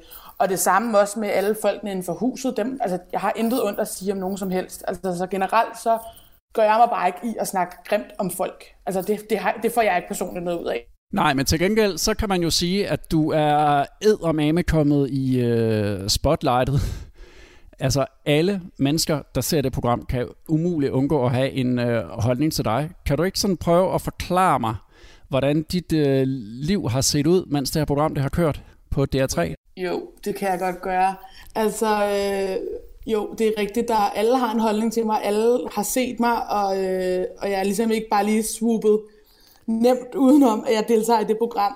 Øh, det, er, det er fandme underligt. Altså, det er virkelig, virkelig surrealistisk lige pludselig at deltage i noget, hvor fremmede folk føler, at de kender mig. Altså, det, det er virkelig, virkelig, virkelig underligt. At, man, at man føler, at man tydeligt kan mærke, at folk kigger på en, fordi de har set en et andet sted. Det, det er virkelig en underlig følelse, og det er virkelig øh, røv nederen, at folk øh, har sådan negative øh, tanker omkring, hvem jeg er som person, ud fra et tv-program. Det, det, det synes jeg virkelig er nederen. Hvordan kan du mærke, øh, at folk ligesom har en holdning til dig? Øhm, altså, først og fremmest er der jo ligesom sociale medier. Øh, nu har jeg ikke jodel eller noget, det, øh, det, det gør jeg mig ikke helt i. Jeg synes, at folk, der skriver anonym på nettet, er lidt, det er lidt sørgeligt. Øhm, men, men Facebook-kommentarer og Instagram-kommentarer, og folk, der henvender sig direkte på, øh, på Facebook, folk, der har behov for at skrive private beskeder til mig med, at jeg er et forfærdeligt menneske osv. Øhm, så på den måde har jeg jo kunnet mærke, at folk bare synes, jeg er en rigtig idiot. Når du sådan kigger på programmet her nu her, sådan helt overordnet, hvordan har du det så med øh, alfa-eksperimentet nu, hvor det hele det er slut? Altså først og fremmest er jeg virkelig glad for, det slut. Øh, for det er, ikke, altså, det er ikke nogen hemmelighed, og det ved alle mine venner og veninder også, og familie, at jeg synes ikke, det har været sjovt at få den her negative opmærksomhed på nogen måde. Altså, jeg, altså for først, altså først og fremmest har jeg ikke meldt mig til et program øh, for at få følgere på Instagram. Jeg har ikke accepteret en eneste følger på Instagram, fordi folk på min, altså mine venner, der optræder på mine sociale medier, har jo ikke bedt om at være med af uh, de venner med Malene for Alfa-eksperimentet. Øhm, men det er rart, at det er slut, og det er rart, at jeg ikke behøver at frygte hver søndag, at nu kommer der et nyt afsnit. Øhm, det er virkelig dejligt, at nu kan jeg ligesom lægge låg på det, og nu er det, nu er det færdigt. Hvordan kom du egentlig med i det her program? Jamen, jeg kom med, fordi at jeg sad hjemme en fredag aften og ventede på, at jeg skulle hjem til en veninde og drikke noget vin. Øh, og jeg var i mega lortehumør. Jeg var lige blevet, jeg var ikke optaget på nogle af de studier, jeg havde søgt. Øh, alle mine veninder var kommet ind. Øh, jeg vidste ikke, hvad fanden jeg lige ville med mit liv. Øh, jeg skulle opsige min roomie. Alt var bare lort. Altså, det, det hele var bare en nederen situation. Så jeg følte, der skulle ske et eller andet, så enten skulle jeg tage på højskole, eller så skulle jeg melde mig til et tv-program. Og det blev så et tv-program. jeg aner ikke, hvordan at jeg fandt frem til DR's publikumside, men jeg sad bare og kiggede på alle mulige mærkelige ting på nettet. Og så lige pludselig var der sådan noget, DR3 søger unge til et kollektiv. Øh, og så tænkte jeg, ja, ja, jeg sender bare en mail afsted. Jeg sendte bare en hurtig mail og fandt nogle billeder af mig, hvor uh, det beskrev mig rimelig godt. Blandt andet en video fra en ude af kontrolkoncert i Tivoli. Øhm, og så tænker jeg, ja ja, nu gør jeg det bare. Og så blev jeg ringet op af Karsten, og, og så havde vi ligesom en lang samtale, og så gik jeg videre fra det ene til det andet, og lige pludselig skulle jeg tage en personlighedstest, og så kunne jeg godt mærke, at under hele castingsprocessen var jeg sådan lidt, jeg ved ikke, om jeg vil. Altså, jeg har ikke taget stilling til, om jeg vil være med i det endnu. Øhm, men så da, da de ringede og sagde til mig, at jeg var med, så kunne jeg godt mærke, okay, det ville jeg gerne. Det var en fed oplevelse at gøre det her. Hvad var egentlig dit eget forhold til reality-tv? Inden at du pludselig selv stod i det? Altså, jeg elsker jo reality-tv. Altså, jeg er en sucker for reality-tv. Jeg har set uh, Paradise lige siden uh, jeg var 11, og det blev genudsendt om søndagen, så man ikke behøvede at være op til klokken 10 om aftenen, for det måtte man ikke. Og sådan, altså, jeg elsker reality-tv, og det er alt reality-tv. Altså, jeg, jeg er kæmpe fan af det. Og, og jeg var også godt klar over, at det, det var et reality-program. Jeg er ikke en af dem, der benægter, at det er et reality-program. Det er uden at jeg er godt klar over, at det er en konstrueret virkelighed, og, og længere er den ikke. Men hvilken type reality-tv-seer var du så før det her program? Var du sådan en, der sad og råbte af skærmen og havde på folk og elskede nogle andre, eller hvordan har du været? Altså, jeg har helt klart været en passioneret reality-seer. Det har jeg. Og jeg har da også haft min mening om folk i programmer, og og alt sådan noget, det tror jeg da er, er ganske normalt, at folk har. Altså, det er jo naturligt, at man ligesom danner sig en mening ud fra det, man ser. Men efter jeg selv har været med i et tv-program, så har jeg helt klart fået et andet perspektiv på det at se reality-tv. Altså, der er, meget af det er bare langt fra virkeligheden. Det er bare nemt at manipulere med seerne. Det er det. Men nu ser du manipulere med seerne. De ting, der er sket i huset, de er jo sket, ikke? Jo, altså de ting, der er sket i huset, de er sket, og, og alt, hvad der, altså alt, hvad jeg har gjort i den måned, det kan jeg stå 100% indenfor.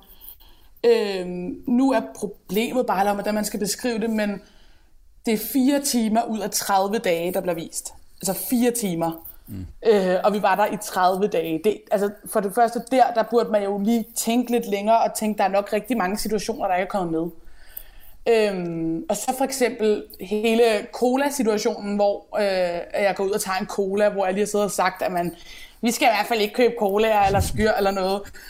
Og den cola har jeg jo købt for mine egne penge. Altså jeg har selv købt den cola med for fucking 10 kroner. Og den kanelsnegl er også blevet købt for egne penge. Altså, så der er jo bare situationer inde i huset, hvor seerne har fået et, et forkert billede. Og, og det, det er der bare nogle situationer af, i hvert fald fra, fra mit perspektiv og min synsvinkel, den måde, jeg er blevet fremstillet på, er noget af det, jeg gør og siger, det er udelukkende en situation, der bliver vist ud af 20, blandt andet syngetingen. Altså, da det bedre som om at stoppe med at synge, så stoppede vi. Godt nok skrev vi lige den risotto-sang, men, øh, men efter det, der, der stoppede vi.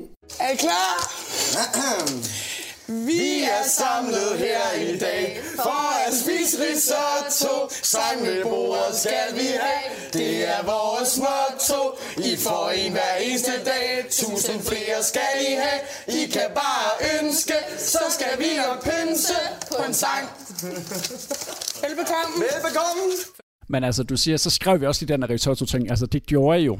Du kan godt forstå, at man som ser så jeg tænker, hold da kæft, man, de bliver bare ved. Jeg kan godt forstå det på den måde, som det bliver vist på. Altså, jeg har også snakket med mine veninder om, at hvis jeg sad og så det her program, ville jeg da have mig selv. Fordi jeg virker der som en sindssygt irriterende kælling. Altså, det gør jeg da.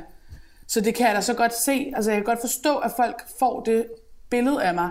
Øh, og lige den risotto-sang, det vil jeg våge på, så jeg synes selv, det er rigtig sjovt. Og for, altså, de andre grinede altså også, og de havde det sjovt. Øh, jeg tror ikke, de ville synes, det havde været sjovt, hvis vi havde skrevet en fremadrettet hver aften, men det gjorde vi jo heller ikke, for vi er jo ikke helt øh, brændt af op i låget. Jeg kom til at tænke på, øh, da I pludselig skal til at lave nogle regler, så reagerer I ret kraftigt. Jeg er ikke nervøs for at gå imod de andre, men jeg er nervøs for, at jeg stiller noget op, som der kommer til at gøre nogen ked af det, eller kommer til at udmatte nogen, eller nogen føler sig trådt over tæerne, for det har jeg ikke lyst til. Jeg synes virkelig bare ikke, det er en særlig fed situation at blive stillet i. Overhovedet. Og det er også fordi, at det er mega Altså, det er virkelig også bare hårdt at være herinde. Og så skal man oven i det også. Og jeg synes, jeg synes virkelig ikke, det er færdigt. Altså, synes jeg virkelig ikke. Hvorfor reagerede I egentlig så kraftigt? Altså, nu kan jeg jo kun tale ud fra min egen, ja. øh, min egen oplevelse af det hele. Ja. Men vi var, vi var halvvejs i programmet, øhm, og jeg havde haft en virkelig travl uge på arbejdet. Altså, udover at vi optog et tv-program, så gik syv af os jo stadigvæk på arbejde øh, eller studie, og havde et helt normalt fungerende liv ved siden af. Og for mit vedkommende vidste mit arbejde ikke, at jeg optog det her tv-program. Så man levede jo lidt i sådan en, en, en dobbelt, et dobbeltliv, øh, havde jeg en måned. Så når man kom hjem, hvor normale mennesker ligesom slapper af, så var jeg jo endnu mere på, end jeg var på arbejde. For så var der bare kamera i hele øh, huset, og man skulle sidde i synk i to timer og forholde sig til alt. Så da, da vi ligesom fik de der regler, eller vi skulle, jeg skulle lave de der regler, der havde jeg bare fået, altså jeg havde bare fået nok jeg var simpelthen bare så presset, og jeg var helt ude på, hvor jeg aldrig nogensinde har været så presset nogensinde før. Så da jeg for reglerne ligesom stukket i hånden, og sådan, nu skal du gøre det her, der skal jeg direkte ind i synk, hvor man skal sidde og snakke med kameraet, og jeg bliver spurgt, sådan, nu har du fået den her magt, hvordan har du det med det? Og, og jeg det var bare slet ikke det, jeg ville. Altså, jeg ville ikke have en magt over nogen. Jeg ville ikke bestemme over nogen. Det kan godt være, at jeg har modsagt nogen, hvis jeg har været uenig, men jeg har jo aldrig nogensinde vil bevidst bestemme over nogen, sådan så nogen måske kunne blive ked af det. Altså, så, så jeg følte mig bare mega... Jeg følte mig mega sådan trådt på, og jeg føler mig mega altså sat ud på, og sådan, nu er det dig, der bare skal skabe, skabe drama, og nu skal du bare gøre det her, for vi kan få noget godt tv. Og, altså, jeg blev virkelig sur på produktionen, det ser man jo heller ikke, men, men jeg, altså, det tog jo, altså hele den seance var jo to, to timer eller sådan noget, fordi jeg sad inde i synk og tudbrølede, altså, og, og var tæt på at sige, fuck det her, nu tager jeg hjem, fordi det var bare virkelig ikke en særlig fed situation at blive stillet i. Det mindede mig utrolig meget om sådan noget øh, Paradise Hotel øh, typer, hvor det, altså intet ondt, jeg elsker Paradise Hotel, men jeg vil bare aldrig selv kunne se mig selv i det, fordi jeg tror simpelthen, det ville være for hårdt for mig, at jeg skulle leve konstant under, at der blev opsat så mange ting, og folk skulle bestemme på den måde, og så lige pludselig følte jeg bare, at jeg var med i et andet program, øh, end det, jeg ligesom havde sagt ja til. Jeg troede jo bare, at vi skulle leve her, og vi skulle selv finde ud af det, og, og det var det. Men lige pludselig kom produktionen jo blandet sig ind og kastede nogle benspænd ind. Der var det der, hvor det ligesom ændrede sig lidt til, at det var et andet program, end det, jeg havde signet op til. Hvad fik I egentlig at vide, inden I blev sluppet ind i huset? Jamen, vi fik at vide, at vi var med, vi skulle deltage i et kollektiv, som, hvor vi ligesom var blevet udvalgt som en dynamisk gruppe. Men altså, jeg havde selv gjort mig tanker om, om det måtte være mit hemmelige match, eller hvordan der var ledes, men, men der var ikke nogen officiel udmelding jo. Det giver, det giver meget god mening. Hvornår begynder det så at gå op for dig, at det kan være, der er et eller andet lidt mere i det her, eller gik det overhovedet op for dig på, på noget som helst tidspunkt før den sidste dag, da I får det der brev om, at det er et alfa-eksperiment? Ja, det gik rimelig hurtigt øh, op for os. Øh, jeg kan huske nogle af de første dage, der var, når vi var ude med skraldet, så kunne vi se på udstyret, at der stod mit hemmelige match. Og så var der nogen, der var sådan, uh, er det mit hemmelige match igen? øhm, men, men jeg mener faktisk, det var allerede på første husmøde, hvor vi sad og snakkede om, okay, det er rimelig interessant, at vi alle sammen er typer, der mener så meget og snakker så meget og gør så meget, fordi det bliver jo ikke vist, men til husmøderne var det jo ikke kun mig og Emilie, der sad og snakkede. Altså det var jo alle, der deltog. Vi var alle sammen bare typer, der havde holdninger til alt. Øhm, så det undrede vi os rimelig hurtigt over. Så vi, vi vidste godt, der var et eller andet. Jeg tror ikke, der var nogen af os, der gættede decideret, at vi var sådan nogle ledertyper. Øh, for det første tror jeg, fordi der er ikke nogen af os, der identificerer os som alfaer. Altså jeg har aldrig nogensinde tænkt mig selv som en alfa. Det er jo også det, der er mange, der skriver sådan, at de er i hvert fald ikke nogen alfa-typer. Sådan, Nej, det har jeg heller aldrig nogensinde sagt, jeg er. Så lige, lige den del kom jo bag på os, men vi vidste godt, at det måske var noget, der var i den dur. Nu siger du, at du ikke selv ser dig som en alfa, men jeg, når jeg ser dig i det her fjernsynsprogram, så ser jeg en kvinde, som er skidegod til at styre, og skidegod til at tage ledelsen. Jo, altså jeg, jeg synes selv, at jeg er en god leder. Jeg synes selv, jeg er god til at gå, altså vise, vise vej. Og der, hvor vi skal sidde og uddele titler, der var jeg jo, altså det, det virker jo som om, at jeg bare har været, jeg tager den her lederrolle og sådan at det. Altså alle de andre sagde selv, at, at de synes, jeg var passende leder i, i kollektivet, og jeg var god til at være sådan, få sat ting i gang og, og gøre noget. Og det har altid faldt mig utrolig naturligt. Altså, og det bider mig også i røven nogle gange, at man er den, der tager teten først, fordi det kan også godt være utroligt negativt, at man ikke lige trækker vejret og tager det roligt, men, men det har altid faldt mig utrolig naturligt, det der med at ligesom tage stafetten og være sådan, nu gør vi det her. Jeg tror lidt mere, jeg ser lederen som en, der, en, der tager initiativ, en, der ikke er bange for ligesom at tage teten, og ikke en, der er bange for ligesom at tage en beslutning, og sådan, det gør vi. Den, som jeg nok selv tænker, er, kan se mig selv mest i, det er lederen. Jeg synes måske, det bliver svært altså, at diskutere sig frem til, hvad, en, hvad er en leder? Fordi du ved, sådan, en leder kan være mange ting. Altså, jeg skal ikke være bleg for at sige, at jeg synes, at jeg kvalificerer mig super godt til at være lederen herinde. Det lyder fucking selvisk, men jeg synes bare, at jeg er fucking god til at tage teten, og jeg er god til at tage initiativ, og jeg er god til at sige, nu gør vi det her. Men når du så sidder og ser på dig selv, ikke? tænker du så bare, når men øh, det er bare klippet forkert, eller tænker du, okay, er, er det sådan der, jeg er, skal jeg prøve at lave lidt om på mig selv? Altså, det der er sket, er jo sket, og, og det der bliver vist, er jo ting, der er rigtigt. Det er jo bare, det, der, der mangler, det mangler, at det bliver nuanceret. Mm. Altså, at der bliver kun vist. Altså, alle mennesker indeholder jo altid noget, de ikke er så stolte af, og nogle af mine ting, der bliver vist her, det er der også noget, jeg tænker, ja, det, der kunne jeg måske godt lige reagere lidt bedre, eller ja, det var sgu lidt, okay, måske skulle jeg lige holde kæft og ikke synge øh, Lille Peter Edderkop for 20. gang. Det kan jeg da godt se nu, det er da pisseirriterende. Så jeg har lært utrolig meget. Jeg har været med i programmet og lært rigtig meget sådan undervejs, altså hvordan man ligesom indgår i en gruppe. Det billede bliver jo heller ikke vist, men jeg snakkede jo med alle. Altså jeg, jeg havde det utrolig godt med alle, og Øh, jeg, havde tit lange samtaler med folk, hvor man sad og snakkede om alt muligt, og, og, og der har jeg helt klart lært det der med, hvor rart det er, at nogle gange så kan man godt lige basse lidt ned, og ikke være den, der råber højest, men ligesom give plads til andre også.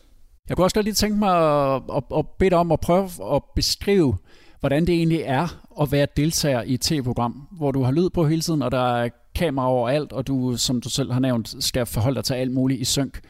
Hvordan er det egentlig at optage sådan et program som Alfa-eksperimentet? Det er utrolig hårdt. Altså det er virkelig, virkelig, virkelig, virkelig hårdt. Det er øh, den mest lærerige måned og den hårdeste måned i hele mit liv. øh, jeg har gået på efterskole, og folk, der går på efterskole, ved, hvor træt man var i starten den første uge, hvor man bare skulle møde nye mennesker, og man skulle være på hele tiden, og man skulle bare vise det bedste billede af sig selv, og smile og have det sjovt, og hele tiden være med til alt, hvad der overhovedet sker. Sådan er det gange 100 i, øh, i en måned. Altså det er så hårdt det der med, at man sidder i en stue, der er oplyst af tv-spots. Vi kunne ikke mærke, om klokken var 10 om morgenen, eller om den var 2 om natten, fordi der var samme belysning konstant. Øhm, og nogle gange, så kom der jo nogen op, og så skulle man have skiftet batterier, og så blev man bevidst om, okay, der er jo folk, og nogle gange kunne man høre kameraerne dreje, og altså, man, man var bare konstant bevidst om, at man var i en, i en boble. Altså, man, man, var, man levede i et tv-studie. Og, øh, og det, der var hårdest, synes jeg, det var helt klart, at man mistede sin frihed. Man, man kunne ikke få lov til at gøre, hvad man ville. Jeg kunne ikke se mine venner. Jeg så ikke min familie og mine venner i en måned, og det, altså, det var så hårdt. Jeg, jeg var virkelig ked af det øh, rigtig, rigtig tit. Og det var virkelig hårdt det der med, at jeg måtte ikke bare gå en tur, hvis jeg havde lyst til det. Altså, jeg skulle spørge produktionen om lov for at fucking gå en tur på 10 minutter. Øh, fordi hvis det ikke passede ind, hvis jeg skulle i synk lige om lidt, så skulle jeg være hjemme til synk. Så det var det der med, at man mistede sin frihed, og man ikke, man ikke kunne bestemme. Altså det havde, jeg det, det havde jeg det personligt rigtig, rigtig svært ved. Jeg tænker, kan godt forestille mig, at det må være svært at være sådan en, der godt kan lide at bestemme, og så pludselig så må man ikke bestemme noget. Men sådan er det jo for alle øh, reality-deltagere. Hvordan havde du det egentlig med at, at, at kunne lægge det der fra dig med, at I var på tv? Var det nemt for dig, eller tænkte du hele tiden, oh fuck, det her bliver filmet, oh fuck, det her bliver filmet? I nogle situationer, der var vi ekstremt bevidste om, at vi blev filmet. Øh, når vi sad og havde samtaler, der var vi tit sådan, om det tager vi den 29. Fordi det var den dag, vi var færdige med det her. Der vidste vi, at vi skulle drikke øl, og vi havde ikke lyst til at, at inddrage den her samtale i noget, der kunne blive vist. Og nu viser det sig jo, at, at alle de samtaler, vi har haft, vi var nervøse for, at der blev vist, de bliver jo ikke vist, for de er jo ikke relevante.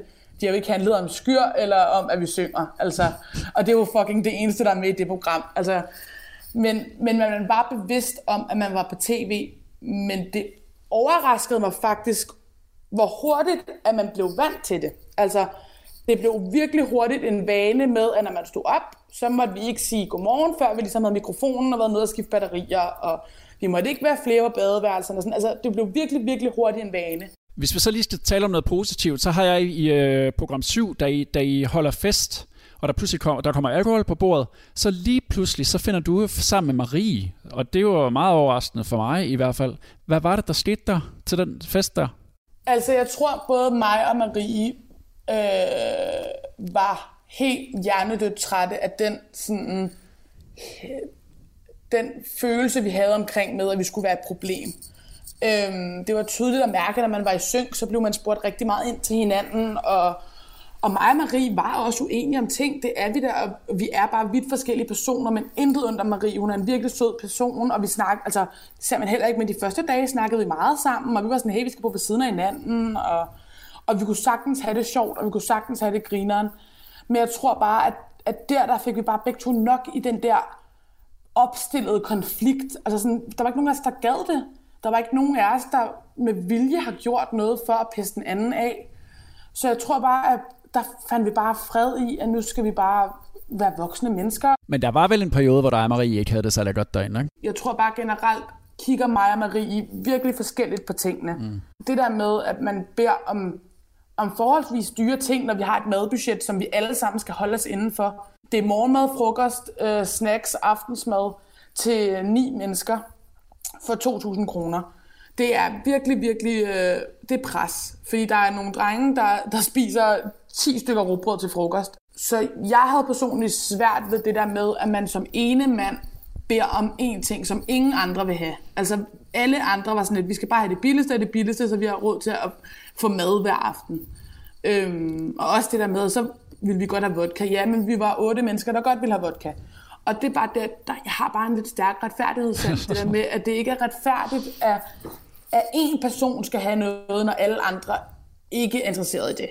Så jeg tror, det er der mig og Maries konflikt ligesom blomstrede ud fra. Og jeg er da mega ked af det over, at, at Marie har haft det så dårligt omkring tingene. Så, så det er jeg virkelig, virkelig ked af. Øh, og jeg vil da ønske, at vi kunne have taklet det tidligere, så det ikke var blevet et kæmpe issue og et mega stort problem for nogen af os. Hvad synes du egentlig, man som seer kan lære af den øh, konflikt, der var mellem dig og Marie? At man nok lige skal begge parter måske lige prøve at trække vejret og tænke sig om. Nogle gange så bare lige lukke røven, og så tælle til 10. Jeg har lært utrolig meget om mig selv, og det, det ved jeg også, at Marie også har. Og jeg synes, det er mega nederen, at det bliver fremstillet som om, at det eneste, der skete i det hus, det var, at mig og Emilie var irriterende. Fordi det er overhovedet ikke sådan, det var. Altså, for eksempel Esben, man ser jo slet ikke, hvor sjov Esben er. Esben er en af de mest altså, grinere mennesker, jeg nogensinde har mødt. Altså, jeg havde det så sjovt med Esben.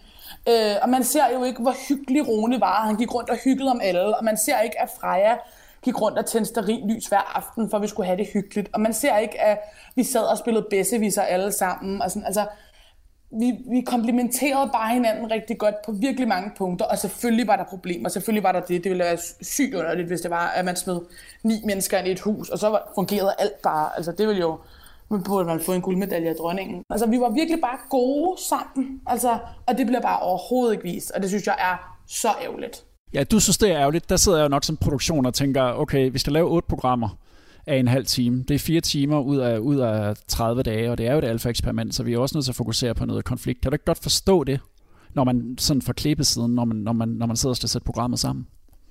Jo, jeg kan godt forstå, at jeg har valgt at vinkle det på den her måde. Det mm. kender vi jo alle sammen fra, at man har skrevet en eller anden opgave. Man bliver nødt til at vinkle det på en interessant måde, ellers får man jo 0-2.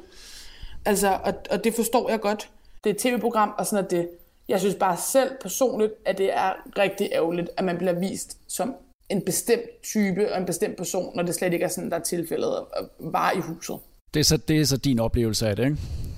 Jo, det, var, det er min oplevelse. Hvordan dealer du egentlig med det billede af dig selv, som øh, du har set, og den måde, folk har reageret på det? Altså for det første, så prøver jeg virkelig at undgå at tjekke, hvad det er, folk skriver om mig, fordi det var rigtig svært i starten, og der gjorde jeg det også, men jeg kunne bare mærke, at jeg får intet positivt ud af at læse rigtig grimme ting om mig. Altså at læse, at folk øh, skriver, at jeg er lige så irriterende, som jeg er fed, eller at læse, at min, min tænder er så skæve, at jeg burde fandme bare blive slået ihjel. Altså, det får jeg intet positivt ud af at læse. Og der er også nogle af de ting, jeg har læst, hvor jeg selvom jeg er en meget, meget stærk person, og jeg klarer rigtig meget, og der er meget af det, jeg også bare griner af. Altså når folk skriver, at vi er kølingbørn eller andet, ja ja, tillykke med det, det er vi ikke, det ved vi godt selv. Men når folk skriver nogle virkelig taglige ting, der må jeg da ærligt indrømme, det har fandme gået mig på. Altså, ja. det er virkelig ikke fedt at læse, øh, at der er nogen, der søger min adresse øh, på Instagram. Øh, det er ikke fedt at læse, at folk skriver, at mig og Emilie burde tage hinanden i hænderne og hoppe ud af 9 Øh, på en 9. sal. Altså, der bliver jeg sgu ked af det, og jeg, jeg forstår virkelig ikke, hvorfor det er, at folk har et behov for at gøre det. Jeg forstår virkelig ikke, hvorfor de tror, at det er okay, bare fordi man har deltaget i et tv-program, så er man bare totalt skydeskive, og så må man gøre lige præcis, som man vil. Fordi hvis de synes, jeg har opført mig dårligt i et tv-program, så gør de jo præcis det samme nu. De, de er jo lige så gode selv, og de skriver så dårlige ting og så grimme ting om mig. Altså, så jeg forstår bare ikke, hvor folks behov fra kommer. Altså, og folk, der opsøger en direkte og skriver private beskeder til en. Altså, jeg forstår ikke, hvordan et tv-program kan fylde så meget hos en person. Hvordan at man kan føle et behov for at gøre det her. Det forstår jeg simpelthen ikke. Og det kommer også til at byde mig i røven, når jeg skal møde nye mennesker fremadrettet, der har set det program. Så kommer de jo til at tro, at jeg er forfærdelig. Og der må jeg jo bare hanke op i mig selv og vise at sådan er jeg ikke. Og så ved jeg også bare, at alle mine venner og veninder og familie og sådan noget, de ved jo også, hvem jeg er. Og der er jo ikke nogen af dem, der har droppet mig, fordi jeg har været med i det her program og set den her måde, jeg er blevet skildret på, for de ved jo godt, sådan er det ikke. Der var også nogen, der skrev, at de ikke forstod, hvordan at Malene og Emilie stadigvæk kunne have veninder. Hvor jeg også bare tænker, jamen, det er jo ikke fordi, at vi, vores veninder lige pludselig har set, at sådan, uh, når det er sådan, de er. Altså, jeg, jeg tror bare, at, at jeg er stærk som person, og jeg har en meget stærk psyke, og jeg kan holde til virkelig, virkelig meget, og jeg ved, hvem jeg er. Så jeg ved, at det her, det er ikke mig. Altså, det er ikke, det er ikke den sande mig, der bliver vist, og det er ikke den sande mig, folk hader. Øhm, så har jeg også Emilie og Jakob. Mig og Emilie og Jakob ser stadig hinanden utrolig okay. meget. Mm. Øh, og jeg er så lykkelig over, at jeg har fået dem som venner. Det føles mm. som om, jeg har været venner med dem for evigt og altid. Øhm, og det er, altså det er nok det allerbedste, der er nogensinde er kommet ud af det her program, det er, at jeg har fået to ægte venner ud af det. Hvad er det, du egentlig gerne vil sige til folk, som, som sidder og ser reality-tv eller tv eller almindeligt har, har en mening om, om, om alle de mennesker, der er derinde? Jeg har jo før, og det ser jeg jo stadigvæk, jeg har også siddet og set Extra the Beach hele den her sæson, og jeg er bare blevet klar over, at den måde, en person bliver skildret på, er ikke altid den måde, personen er på i virkeligheden. Mm. Og vil bede folk om at have i mente, at alt er ikke, som det bliver vist, fordi det er tv. Her afslutningsvis, så kunne jeg sindssygt godt tænke mig et, et par gode råd. Jeg er jo sådan en, der er sygt dårlig til at tage styring. Hvordan bliver man god til at tage en konflikt? Uh, interessant spørgsmål. Jeg må faktisk være der lidt svarskyldig, fordi så længe som jeg overhovedet kan huske, så har det bare faldt utrolig naturligt til mig. Jeg har aldrig nogensinde været typen, som der bare tænkt, at det er lige meget. Og det er virkelig nederen. Altså, fuck, hvor ville jeg kunne have sparet mig selv for mange latterlige situationer, hvis jeg havde sagt, jamen det er pyt med det. Altså, hold da kæft. Og det har jeg virkelig også lært i det her program. Det er, nogle gange så hjælper det fandme lige at trække sig og være den, der kigger på. Altså, men det er fandme også bare vigtigt, at man tør at stå op for sig selv. Mm. Og det er fandme også bare vigtigt, at man tør at sige, der er jeg sgu ikke enig. Eller ved du hvad, det synes jeg faktisk er fuldkommen sindssygt, at du siger det der. Får du aldrig ondt i maven, når du, når du, når du er i en diskussion? Jeg får aldrig ondt i maven, imens jeg er i en diskussion. Altså, jeg ved ikke, om jeg har et eller andet helt exceptionelt øh, fighter-gen. Altså, jeg har også altid fået at vide af min familie, og sådan noget, at jeg skulle blive politiker, fordi jeg kan, jeg kan altid bare tage en diskussion, og jeg synes selv, jeg er rimelig rationel i diskussioner. Øh, men jeg kan sagtens få ondt i maven bagefter. Hvis jeg føler, at jeg har gjort nogen kede af det, eller hvis jeg føler, at jeg har trådt nogen over tæerne på en måde, der ikke var nice, så kan jeg virkelig godt få dårlig samvittighed. Øh, fordi at selvom at jeg er stærk og siger min mening og sådan noget, så vil jeg jo ikke gøre nogen kede af det, og jeg vil ikke med, altså bevidst være et tavligt menneske. Det er da bare lidt svært, ikke? Det der med at grænsen mellem at jorde andre og give plads til andre, men samtidig få sin vilje igennem. Det er den, jeg sindssygt godt kunne tænke mig at lære. Jeg vil også vildt gerne lære den.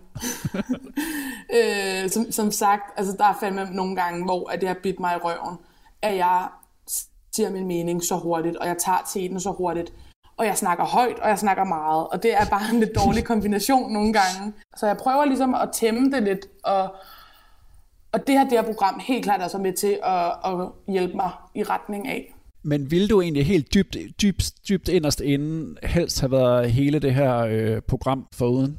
Nej, det ville jeg ikke. Jeg er rigtig glad for, at jeg deltog.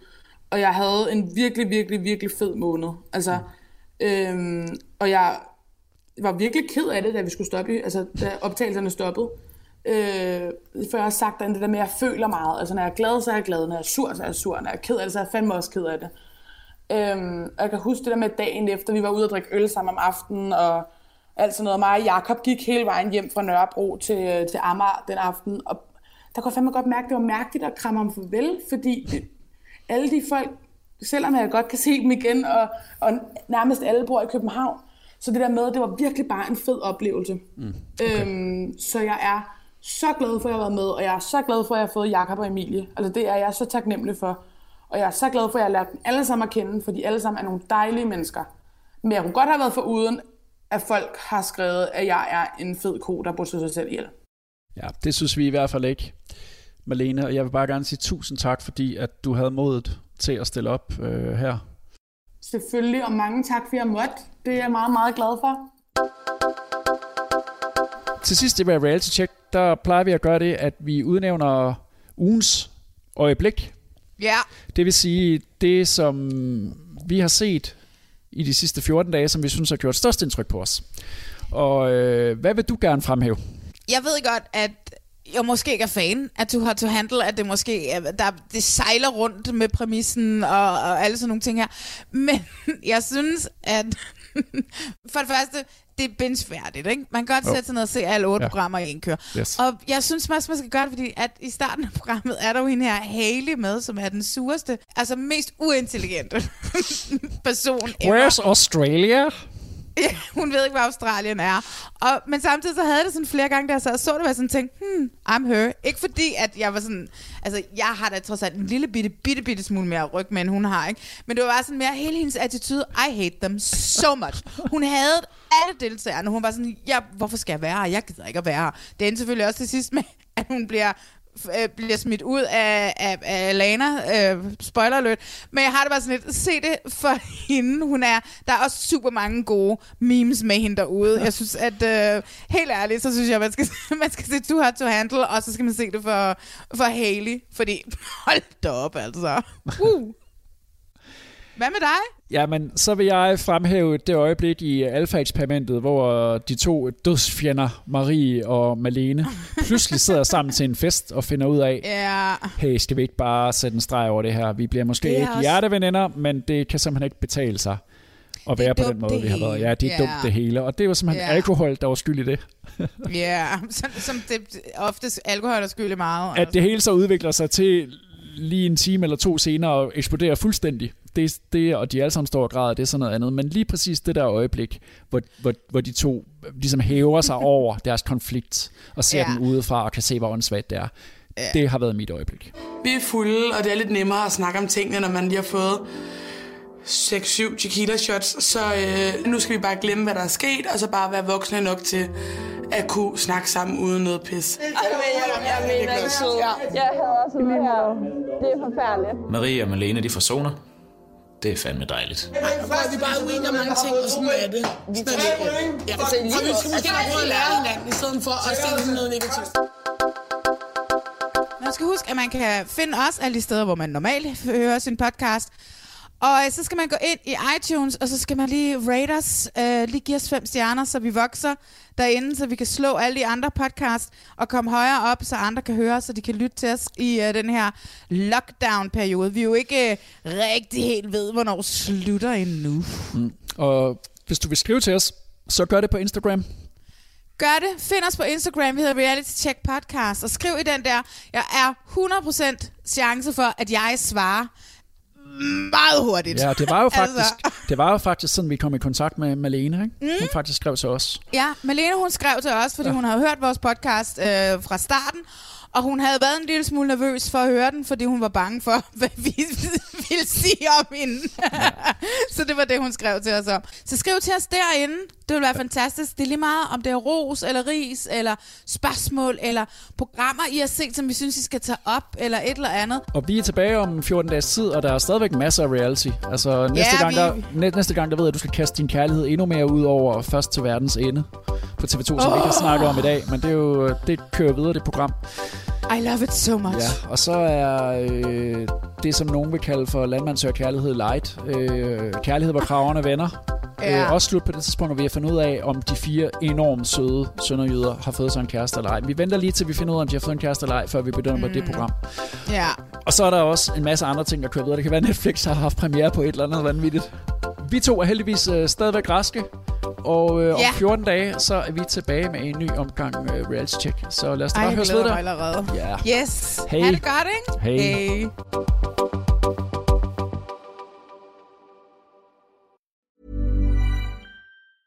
Hey, folks, I'm Mark Marin from the WTF Podcast, and this episode is brought to you by Kleenex Ultra Soft Tissues, your ally to help tackle your allergy symptoms this season. I love the change of seasons, but nobody loves pollen and all those other things floating in the air that make you sneeze during this nice weather. Kleenex Ultra Soft Tissues are hypoallergenic and allergist approved, so fight back against watery eyes and runny noses without worrying about irritating your skin. For this allergy season, grab Kleenex and face allergies head on.